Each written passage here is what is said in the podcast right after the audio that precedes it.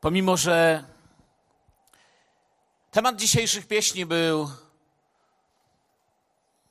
powiem śmiało, smutny, to obietnica jest radosna. Chcę Wam powiedzieć, jesteście dzisiaj w obecności wszechmogącego Boga.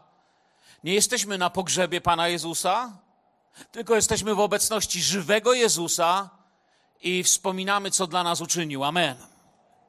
To jest wspomnienie tamtych wydarzeń.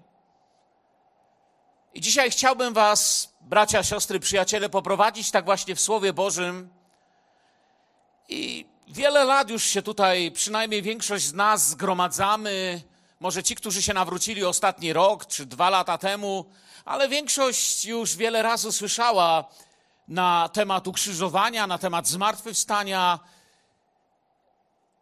na temat właściwie chyba każdej osoby czy postaci, którą widzimy wokół krzyża. Ja dzisiaj chciałbym znów powiedzieć o dwóch takich osobach, które zauważyłem tam w Ewangelii, czytając ją. Kiedyś lata temu usługiwałem na ten temat, ale chyba już nie wiem, na, być może mam na komputerze notatki, nie sprawdziłem, nie jestem pewny. Pamiętam wtedy zatytułowałem moje kazanie Trzy Krzyże. To było dawno, dawno temu. Nie pamiętam nawet dokładnie na czym się wtedy skupiłem, ale ogólnie to pamiętam, że był to temat tego, że ludzie przechodzili i widzieli trzy krzyże. I wypełniało się słowo, które chciałbym teraz przeczytać. Izajasza 53, 12. Dlatego dam mu dział wśród wielkich i z mocarzami będzie dzielił łupy. Za to, że ofiarował na śmierć swoją duszę i do przestępców był zaliczony. On to poniósł grzech wielu i wstawił się za przestępcami. Do przestępców był zaliczony. Innymi słowami oznacza to, że tamtego dnia ludzie tamtych czasów przechodzili, spoglądali na wzgórze Golgota i liczyli raz, dwa, trzy. I mówili, dzisiaj Rzymianie ukrzyżowali trzech kryminalistów. Większość ludzi nie miała pojęcia, kim jest ten, na środkowym krzyżu. Ewangelia Łukasza mówi nam w 22 rozdziale, 37 werset, albowiem mówię wam, iż musi się wypełnić na mnie to, co napisano. I to, co napisano, czytałem przed chwilą, a Jezus tu dodaje, do przestępców był zaliczony. To bowiem, co o mnie napisano, spełnia się. Pomiędzy tymi słowami tyle setek lat różnicy. A jednak Pan idzie w kierunku krzyża i to wcale nie jest jakaś łatwa droga. Kto czytał chociaż raz, wie, czym było Getsemane, czym było to, jak ze smutkiem dzielił się z uczniami, jak smuciło go ludzkie postępowanie i to, co będzie musiał dźwigać, ale jednak to była decyzja miłości. Raz, dwa, trzy do przestępców był zaliczony. Od dzieciństwa pamiętam słowo łotr. Tu na Śląsku, szczególnie na wsiach, nie mówiło się złoczyńcy, tylko łotr. Dzisiaj mamy ładnie napisane, że ukrzyżowano obok niego dwóch złoczyńców, ale często mówiono łotr. Ukrzyżowano obok Jezusa dwóch łotrów. Wydawało mi się, że to takie poniżające, kiedy byłem dzieckiem. Pamiętam to praktycznie odkąd sięgam pamięcią, że cokolwiek o Bogu wiedziałem. Myślałem sobie, dobry Jezus i dwóch łotrów obok niego. Myślałem, że to go strasznie poniża. Nie wiedziałem wtedy, że on dla nich przyszedł, że to był akt jego miłości, że pomiędzy nimi chciał być. Nie wiedziałem, że poniżające to nie jest to, że oni są obok, że poniżający jest krzyż. Ale do krzyża w jakiś sposób przyzwyczaiła mnie kultura, której żyłem. Owszem, złoczyńcy czy łotrzy, jak mogę powiedzieć, robili na mnie wrażenie, ale do krzyża przyzwyczaiła mnie kultura, w której wyrastaliśmy. Ten religijno-kulturowy Jezus pasował mi na krzyżu sam. No, może ewentualnie jakieś kwiatki. Ale tych dwóch? Taka była takie było moje pojęcie. Świadomość tego, o czym naprawdę mówimy, przyszła później i dalej ją zgłębiam i dalej ją poznaję.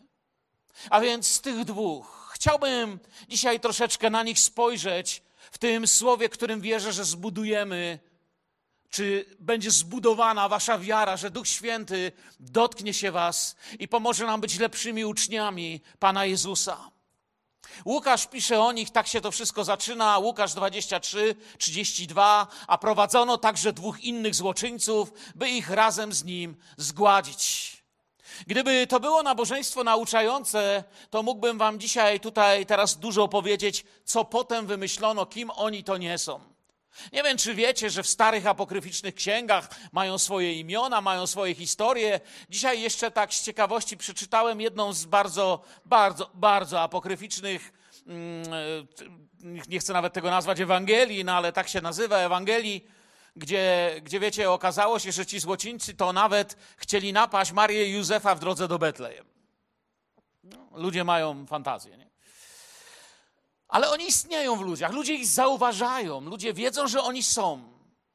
Tu się pojawiają według Słowa Bożego, z tego co my wiemy, wcześniej ich nie było i wypełnia się pismo, a oni nawet o tym nie wiedzą. Inna starożytna tra tradycja, bo to nie jest udokumentowane natchnionym Słowem Bożym, a jedynie różnego rodzaju starymi dokumentami, właśnie jak je nazwałem apokryfami, mówi, że jeden z nich parał się z bujectwem na drodze pomiędzy Jerychem i Jerozolimą. I tak dalej, i tak dalej. Ale wypełnia się pismo i pojawiają się w historii zbawienia. Razem z Jezusem prowadzą dwóch złoczyńców. Jan w 19 rozdziale swojej Ewangelii od 17 wersetu pisze, a on dźwigając krzyż swój, szedł na miejsce zwane trupią czaszką, co po hebrajsku zwie się Golgota, gdzie go ukrzyżowali, a z nim innych dwóch, z jednej i z drugiej strony, a po środku Jezusa. Jan nam tutaj pokazuje, daje Jezusa po środku. Jest to też bardzo symboliczne, ale Przyglądając się temu, wiecie, tak po ludzku, to wiemy, że z całości tej historii zbawienia i opowieści o Golgocie, że ze zmęczenia nawet Pan nie mógł udźwignąć tego krzyża. Wiemy, że zmuszono człowieka, aby mu pomagał, ale szedł. Szedł dla mnie i dla ciebie. I doszli do tego miejsca zwanego trupią czaszką, i Biblia mówi: Oto Golgota od tego aramejskiego słowa gulgutta. Trudno mi nawet było wypowiedzieć, jak to jest napisane, czyli trzaszka. Straszne miejsce, sama nazwa. Podobno historycy mówią dawny kamieniołom, miejsce kaźni za miastem, gdzie wyprowadzano złoczyńców, bandytów, ludzi najgorszego, najgorszego kalibru, najgorszych przestępstw. Jan ukazuje nam. Jezusa pośrodku wskazanców przybijano w tamtym czasie lub przywiązywano, wtedy częściej też łamano im kości. Wiemy, że Jezus był przybity gwoździami. Z historii również wiemy, że to, co przeszli wcześniej, doprowadzało ich organizm do absolutnego wycieńczenia. Ukrzyżowanie należy do jednych z najgorszych kar śmierci, jakie człowiek potrafił wymyśleć. Czasami śmierć i kaźń trwała bardzo długo. Znane były przypadki, że około 20 albo nawet więcej podobno godzin. Jezus przybity gwoździami. I my przyzwyczailiśmy się, że w tej kościelnej atmosferze chcę, abyśmy coś zobaczyli, w tej w tej pobożnej atmosferze widzimy oczami wyobraźni naszego Pana na krzyżu, widzimy ukrzyżowanie. Jest to dla nas coś takiego, co zabiera uśmiech z naszej twarzy. Jezus na krzyżu. Nikt nie myśli wtedy o niczym, żeby się śmiać. Nawet to nikomu do głowy nie przychodzi. Ale chcę Wam powiedzieć, kiedy Pan był tam przybity i tych dwóch po jego prawej i lewej stronie, wokół rozlegały się przekleństwa, kpiny, śmiech, prowokacje, rzucano wyzwania, żartowano sobie z nich. Ludzie dawali sobie ujść różnego rodzaju swoim emocjom, a w tym wypadku jeszcze i religijnym emocjom, sprowokowani przez faryzeuszy i uczonych w piśmie. Skazańca już nawet kiedy prowadzono, dawano ludowi możliwość rzucania w niego resztkami, wylewania na niego pomyj. Można go było uderzyć, opluć. On nic nie mógł, on niósł krzyż z krzyżem. Kiedy człowiek niesie krzyż, nie da się wymachiwać pięściami, nie da się pokazywać palcem, nie da się, po prostu się nie da. I ewangelista Mateusz mówi nam, że również i oni, tych dwóch złoczyńców, w Mateusza 27, 44 mówi nam, tak samo urągali mu złoczyńcy, którzy z nim razem byli ukrzyżowani. Jeden i drugi. Urągali mu, śmiali się, kpili, nie wiem co robili, nie wiem do czego byli zdolni przy tej karze, której podlegali, ale urągali. Złe rzeczy mówili, tyle wiemy. A więc widzimy trzy źródła tego urągania czy tej kpiny. Kpią fałszywi świadkowie. No i co, Mesjaszu? Innym pomagałeś, no i jak sobie teraz poradzisz? Kpią kaci, czyli żołnierze, wcześniej go też już wykpili. I kpią nawet przestępcy, skazancy. Wypełnia się w tym czasie psalm 22, który mówi, że wszyscy, którzy mnie widzą, szydzą we mnie, powiada tam psalmista. Nie będziemy go teraz czytać, ale tam to było zapowiedziane. I on pisze, psalmista, jakby to normalnie czuł w tym natchnieniu ducha, w którym prorokuje o tym, co się stanie. Mówi, wykrzywiają wargi, potrząsają głową, zaufał Panu, niechże go ratuje, niech go wybawi, skoro go miłuje. Marek, ewangelista w 15 rozdziale, w 32 wersecie mamy ten zapis.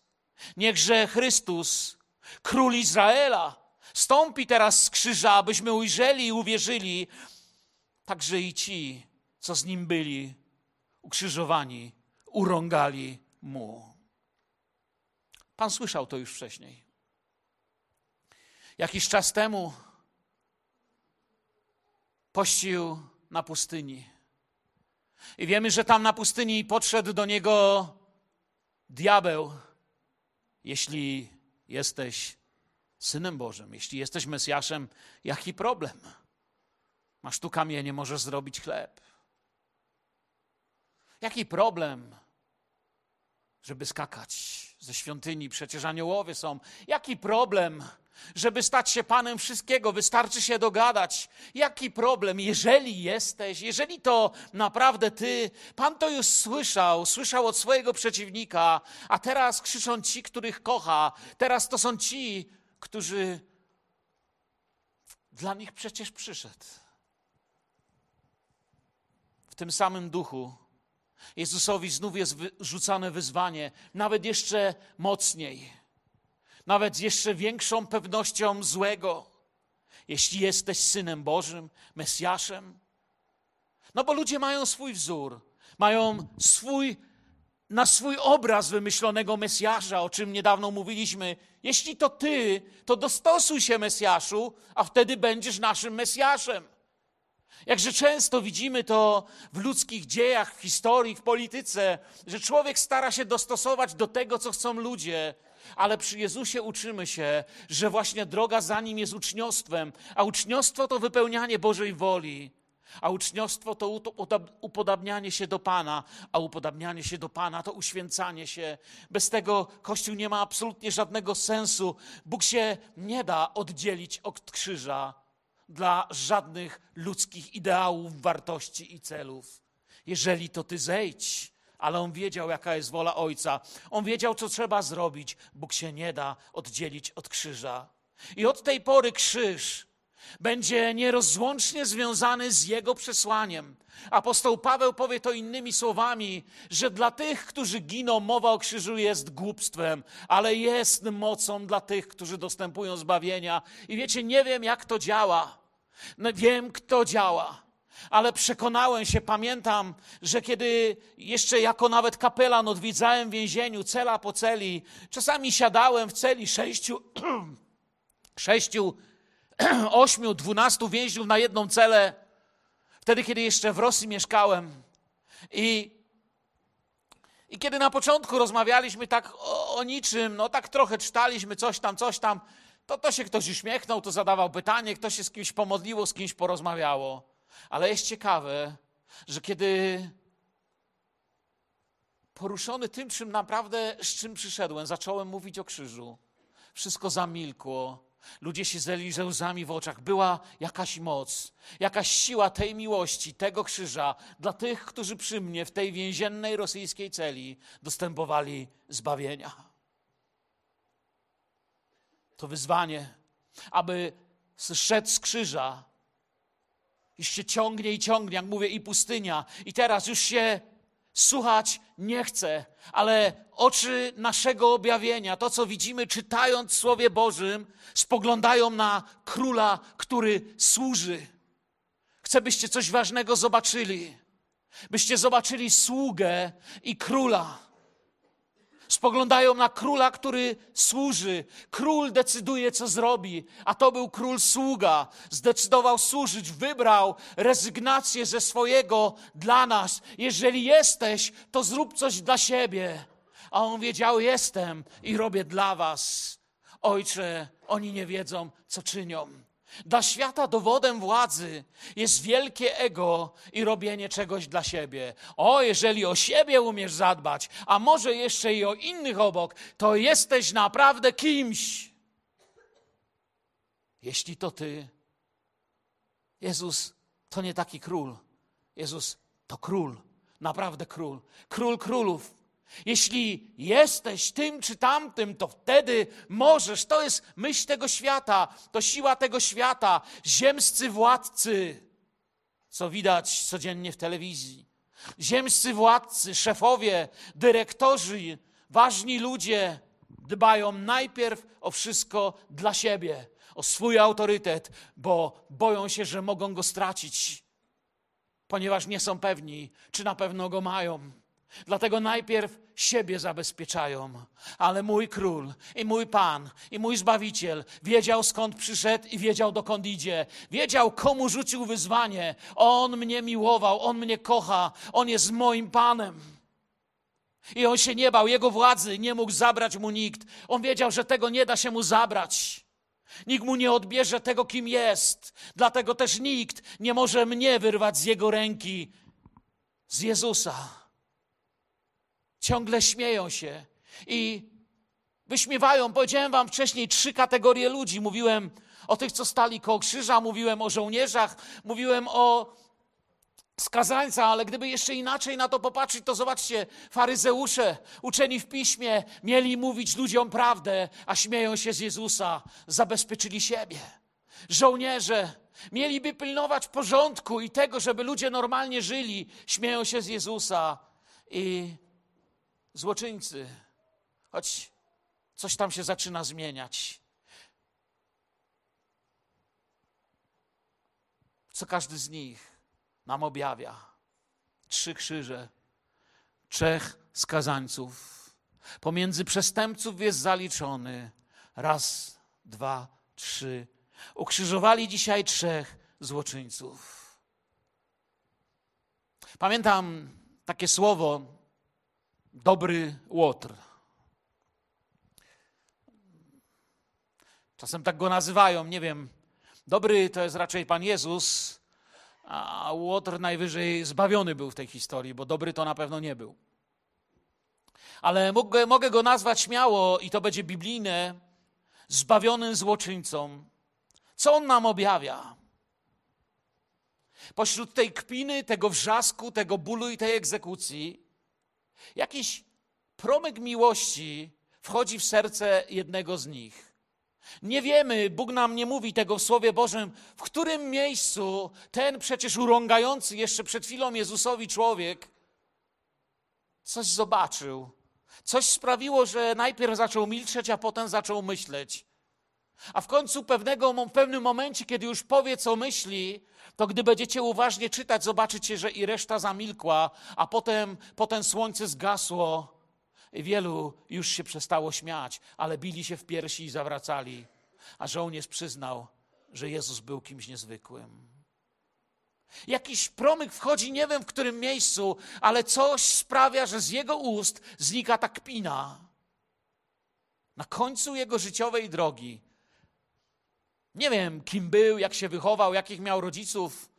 Próbowałem trochę poczytać, jak mówię, znalazłem trochę pism apokryficznych, ale szkoda na to czasu. Nie wiem, kim naprawdę był. Co sprawiło, że stał się kimś takim, kim się stał. My zajęci tym strasznym widokiem, zajęci czytaniem i śledzeniem historii Pana Jezusa w Słowie Bożym, nie zauważamy tego momentu, kiedy coś się zmienia. Coś się zmienia w sercu na jednym z tych krzyży. Na krzyżu tego złoczyńcy Łukasz pisze w 23 rozdziale, 39 werset i dalej. Wtedy jeden z zawieszonych złoczyńców urągał mu, mówiąc: Czy nie ty jesteś Chrystusem? Ratuj siebie i nas. Drugi natomiast odezwawszy się, i teraz zobaczcie, my to wiemy, no bo już czytaliśmy, bo, bo nas wychowano w takiej tradycji. Celowo w tym miejscu przerwałem Słowo Boże. My to wiemy, ale gdybyś czytał tą historię pierwszy raz, to w tym miejscu byś się zatrzymał, prawda? Pomyślałbyś, moment, gdzie indziej czytałem, że ich było dwóch, którzy kpili. Odezwawszy się, zgromił tamtego tymi słowy: Czy ty się Boga nie boisz, choć taki sam wyrok ciąży na tobie? Na nas, co prawda, sprawiedliwie, gdyż słuszną ponosimy karę za to, co uczyniliśmy. Ten zaś nic złego nie uczynił. I rzekł: Jezu, wspomnij na mnie, gdy wejdziesz do królestwa swego. I rzekł mu: Zaprawdę powiadam ci, Dziś będziesz ze mną w raju. Szok, jaka zmiana. Coś się stało. Nagle mógłbym rzec, że pada pierwsze pod krzyżem, czy właściwie na krzyżu, kazanie. Padają słowa mądrości, które sprawią, że wielu zamilknie. Czy ty się Boga nie boisz? I to nie pyta jakiś przekonany faryzeusz. To nie pyta ktoś, kto powinien coś wiedzieć. Pyta ten, który jest skazany obok, złoczyńca. Czy ty się Boga nie boisz? Co on wiedział o bojaźni Bożej, powiedzcie mi.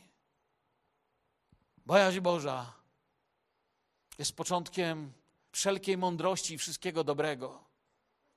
Co on mógł wiedzieć? A jednak zapytuje, bo w nim coś takiego się pojawia. Przed chwilą w jego świecie w ogóle nie było żadnego Boga. Był może Bóg innych ludzi. Nie wierzę, że nie słyszał. Żył w takim miejscu, gdzie na pewno słyszał. Ale w międzyczasie dokonała się zmiana. Chcę ci powiedzieć, może dzisiaj ty tutaj siedzisz sobie spokojnie i myślisz, o czym mówię, ale byłem już świadkiem tego, że kiedy jako Kościół głosimy i zwiastujemy krzyż, kiedy modlimy się razem pośród nas, a czasami gdzieś tam w odległych krajach, gdzie nas słuchają online, są ludzie, którzy w tym czasie dokonuje się w nich przemiana. Miałem już takie świadectwa, gdzie ludzie doświadczyli przemiany i ktoś mi dzwonił, mówi, bracie, słuchaliśmy online i w czasie twojego kazania do kuchni przyszedł mój mąż, uklęknął i rozpłakał się. Mąż, który był przeciwny, to przecież nie ja, on mnie nie znał, cóż on mógł o mnie wiedzieć? Słyszał w głośniku tylko mój głos, to mógł być równie dobrze czyjkolwiek głos. To ten, który może być wszędzie, wszechobecny, wszechmogący Bóg, dotyka serc, które się zmieniają. Ten człowiek na krzyżu uznaje swoją winę i mówi o tym głośno. Wobec nich kara jest, mówi, słuszna i sprawiedliwa. Wobec Jezusa nie, bo On jest bez grzechu, a więc jest bez grzechu nic nie uczynił, a jednak jest tutaj. I to jest pierwsza opowieść o Bogu, który otrzymuje karę należną ludziom. Z takiego źródła, jak to. Po raz pierwszy tego typu człowiek coś takiego mówi. Po nim przyjdzie wielu w więzieniach, szpitalach odwykowych, ośrodkach oddzielenia dla ludzi nazwanych przez świat złymi, którzy powiedzą: Byłem czym byłem, ale Jezus zmienił moje życie. Amen to, co nam się należy. On przyjmuje. My słusznie otrzymujemy karę, ale On. I zobaczcie, jak On mówi. Jezu, czy słyszycie, jak On go nazywa? Jezu, wspomnij na mnie. Tam na Golgocie nikt tak do niego nie mówił. Tam na Golgocie otaczała go kpina i nienawiść. Nikt go tak nie kochał. A on mówi: Jezu, Gdyby tylko to jedno słowo powiedział, myślę, że już by wiele znaczyło. Ale jego zbawienie się dokonuje. Wspomnij na mnie. On jeden wzywa Pana w tym imieniu, w którym jest zbawienie. Nie wiem, czy pamiętacie ten proroczy obraz w życiu Józefa Egipskiego, kiedy fałszywie oskarżony, niewinny, ten, który w jakiś sposób jest tym starotestamentowym, czy nie w jakiś, w wielki sposób jest starotestamentowym praobrazem, typem Jezusa, siedzi w więzieniu. Tam to, aby pamiętać o kimś, kiedy się wyjdzie z więzienia, było bardzo ważne, choć tam były inne okoliczności. Ale fałszywie oskarżony siedzi w egipskim więzieniu. Wszystkie demony Egiptu mówią mu, że nie ma Twojego Boga. I tak na tym wyszedłeś. No i kim Ty dzisiaj jesteś? Ale wiemy, że przyjdzie taki dzień, zmieni się z dnia na dzień, że ten, który siedział w kajdanach wilgotnego więzienia, będzie wjeżdżał na drugim złotym rydwanie za faraonem chwilę potem. Ten, który jest dziś na Golgocie, chwilę potem zmartwychwstanie i pokona śmierć i zło, ale ten złoczyńca jeszcze tego nie wie. My to wiemy, bo dla nas to rzeczywistość. Jezus żyje. Dla niego to egzekucja, ale mówi do niego Jezu, wspomnij. W imieniu Jezus ma zbawienie. W ostatnich chwilach swego życia zmienia wszystko. Nie prosi, zobaczcie, o wolność od krzyża. Nie mówi, Panie, ja tak pokornie, wiesz, jeśli, Panie, ja wiem, że to Ty, no to już teraz możesz cuda. Nie prosi o wolność od krzyża. Prosi o wolność od grzechu i braku możliwości wejścia do królestwa. Choć nie mówi tego takimi słowami, ale piękniejszymi.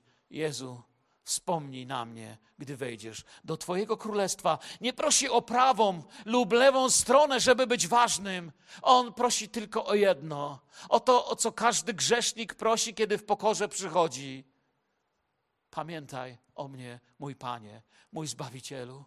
Wspomnij na mnie, a potem się uczymy, że Jego miłość nie przemija. Potem się wszystkiego uczymy. Dlatego często ludziom mówię, że nie da się nawrócić z radością i w podskokach. Kiedy człowiek się nawraca, zawsze nawraca się ze łzach. Kiedy człowiek się nawraca, zawsze nawraca się pod krzyżem. Kiedy człowiek się nawraca, zawsze widzi, kim jest i kim jest ten, do którego przyszedł.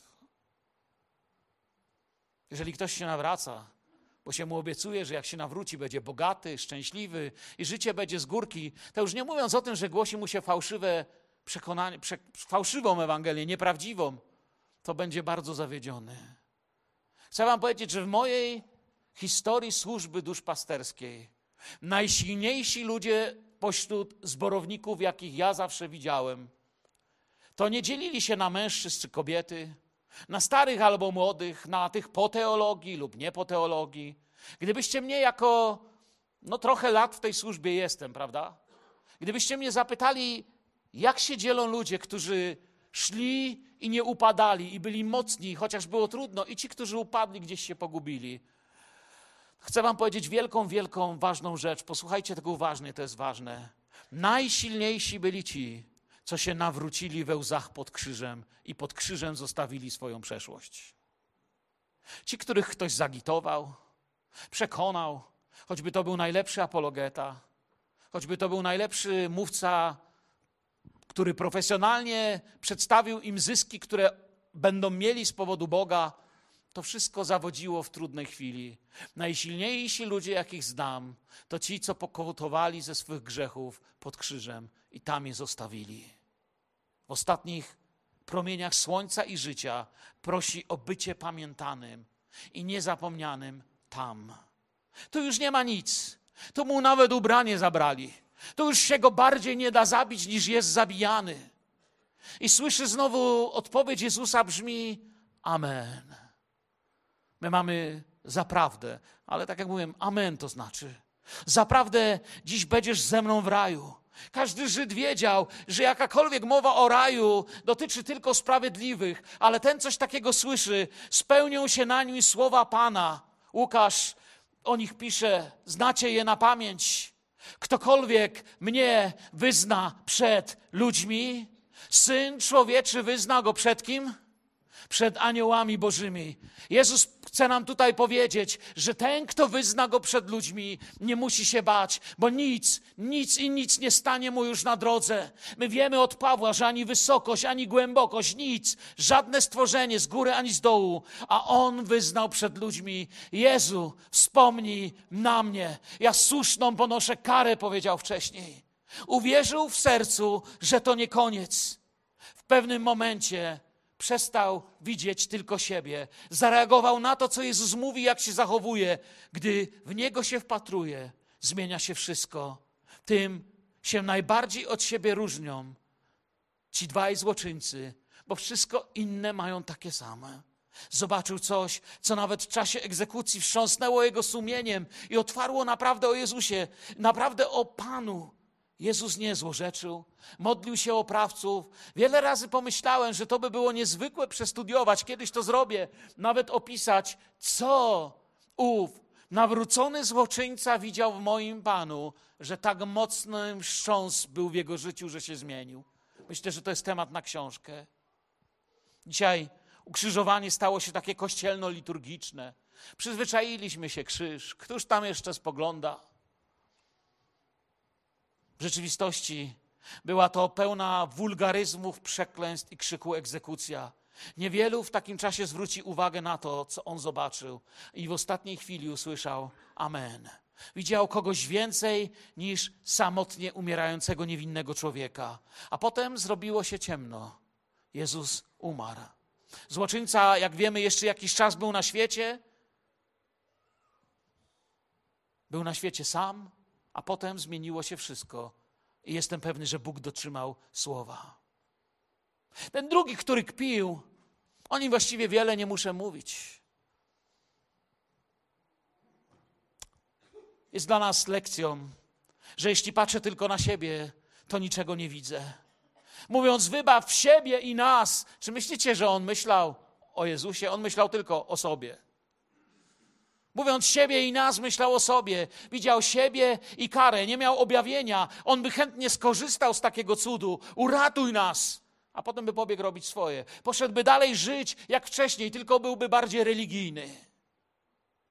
To, to nie cud decyduje o zbawieniu, ale osoba Jezusa, to On jest tym, który kiedy jest, to dzieje się cud. Każdy inny jest nieważny. Reprezentuje wszystkich grzeszników.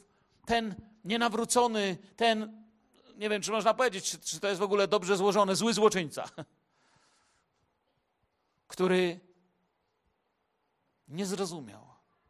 Tak jak wiele razy my nie rozumiemy, że Pan jest z nami, byśmy mogli być z Panem. Dlaczego otrzymamy w naszym życiu wiele rzeczy, które wiemy, że nam szkodzi? Czemu podtrzymujemy między sobą spory?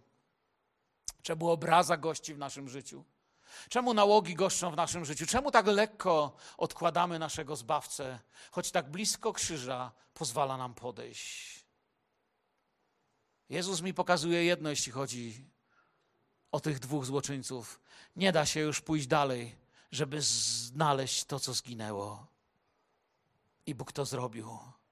Nie da się pójść dalej na tym świecie. I kończąc, widzę Jezusa pomiędzy nimi. Wiecie, czego mnie uczy to, co Jezus do niego mówi? Po pierwsze, kiedy Jezus do niego mówi, jeszcze dziś, amen, jeszcze dziś, będziesz ze mną w raju, mówi mi, kto naprawdę decyduje o naszej wieczności w każdym miejscu. To jest On, nasz Pan i Król, nasz Jezus. To mi mówi, o czym decyduje ten, którym jest mój Pan. On decyduje, kto tam będzie, i On kiedy to powie, nikt nie może tego zmienić. On mówi, kto wejdzie. I w wypadku zbawienia ma ogromne prawo, to jest ogromne prawo móc powiedzieć, kto będzie tam, a on jest tym, który ma to prawo powiedzieć: Jeszcze dziś będziesz ze mną w raju, i nie ma siły, która może się temu przeciwstawić. I chcę ci powiedzieć: Bóg mówi dziś do ciebie: Pójdź za mną, bądź blisko mnie, bądź ze mną. Ale to nie tylko, że On decyduje, kto tam wejdzie. Nie tylko, że ma moc powiedzieć, że to będziesz Ty, to będę ja, że to będzie On, ten złoczyńca. Ale jeszcze jest coś ciekawego, kiedy się przyglądam tej egzekucji. Zwróćcie uwagę, na jakie wyznanie On reaguje.